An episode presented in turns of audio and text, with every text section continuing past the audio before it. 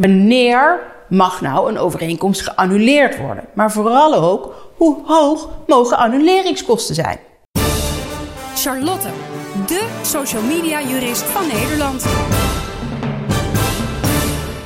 Hartstikke vervelend als iemand een overeenkomst wil beëindigen.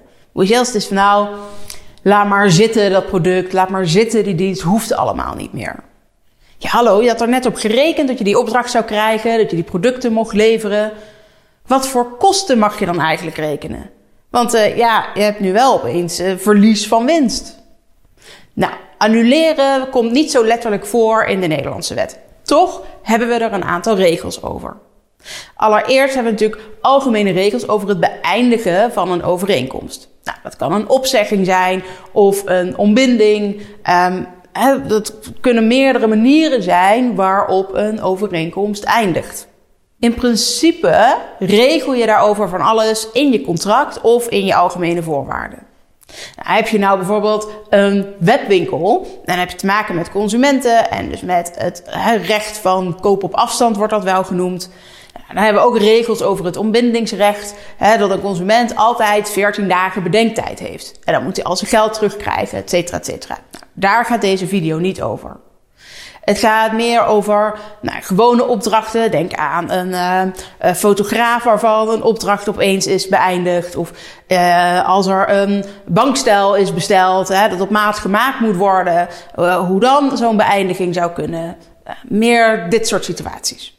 Nou, dan moet je eraan denken dat je annuleringskosten mag rekenen, maar alleen als je daarover afspraken hebt gemaakt.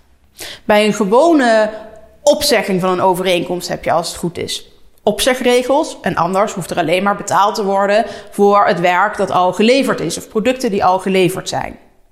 Bij een ontbinding betekent het dat beide partijen uh, allebei niet meer hoeven te leveren, zeg maar. Dus de een hoeft niet meer te betalen en de ander hoeft geen werk meer te leveren. Nou, dan heb je alleen nog maar gewoon recht op loon en over eventueel gemaakte kosten. Maar dus niet over hè, je gederfde winst. Daar mag je geen vergoeding voor rekenen. Tenzij je dus iets over annuleren in je contract of je algemene voorwaarden hebt opgenomen. Nou, dan mag je niet opeens gaan zeggen dat je recht hebt op weet ik veel hoeveel geld. Het is geen regeling die maar zo uitgebreid mag zijn als jij zou willen. Je mag er namelijk niet extra op verdienen. Het moet niet zo zijn dat het voor jou als ondernemer eigenlijk heel aantrekkelijk zou zijn als iemand de overeenkomst zou beëindigen en nou ja, dan jouw annuleringsregeling van toepassing is. Wat we leren uit de rechtspraak en ook uit nou ja, eigenlijk een verbodsregel van de algemene voorwaarden is dat je wel altijd gederfde winst mag rekenen. Nou, dat kun je vastleggen als een bepaald vast percentage. Maar je zou dus ook kunnen zeggen, nou, het is altijd al mijn gederfde winst. Ja, die laatste geval, dan krijg je natuurlijk discussie over wat die gederfde winst dan is.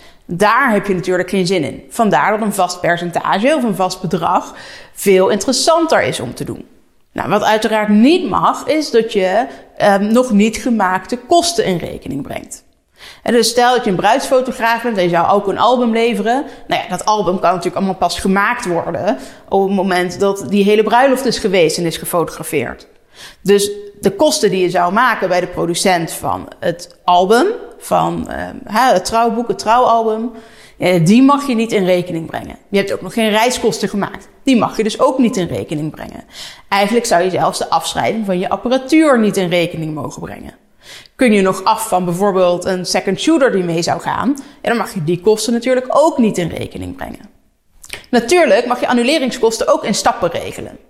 Als je bijvoorbeeld vlak na het aangaan van de overeenkomst al wil annuleren, dan zou je bijvoorbeeld kunnen zeggen: Ik heb al een kleine aanbetaling gevraagd, daar laten we het vervolgens bij. En het zou ook kunnen zijn dat je zegt, nou, op een gegeven moment zitten we zo ongeveer halverwege de termijn. Hè, dan kan ik eigenlijk al niet meer goed nieuwe opdrachten aannemen. Dan vind ik ook belangrijker dat ik dus een grotere vergoeding krijg. En dat als iemand echt vlak voor het begin van de opdracht wil annuleren, dat je dan het hoogste percentage vraagt.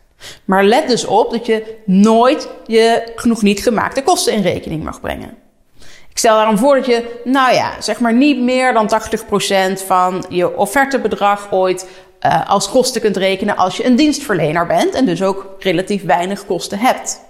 Wij zijn wat voorbeelden uit de rechtspraak, hè, waarbij bijvoorbeeld ook een auto verkocht werd. Ja, en die auto, die, bestelling daarvan werd geannuleerd. Toen werd 15% als redelijke annuleringskosten geregeld, gerekend. Dan denk je, nou, 15% is toch niet zoveel?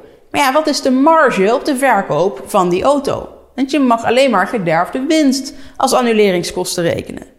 Kijk dus heel erg goed naar hoe je eigen dienst of product in elkaar zit. Wat is nou standaard genomen het percentage aan winst dat je kunt rekenen? Wat is je marge? Nou, je mag dus maximaal die marge rekenen als annuleringskosten. Mocht je nou nog vragen hebben over hoe je zo'n regeling over annulering kunt opnemen in je contract of in je algemene voorwaarden, of hoe het meer in het algemeen zit met opzeggingen en ontbindingen, maak dan vooral even een afspraak met mij voor een oploskoffie.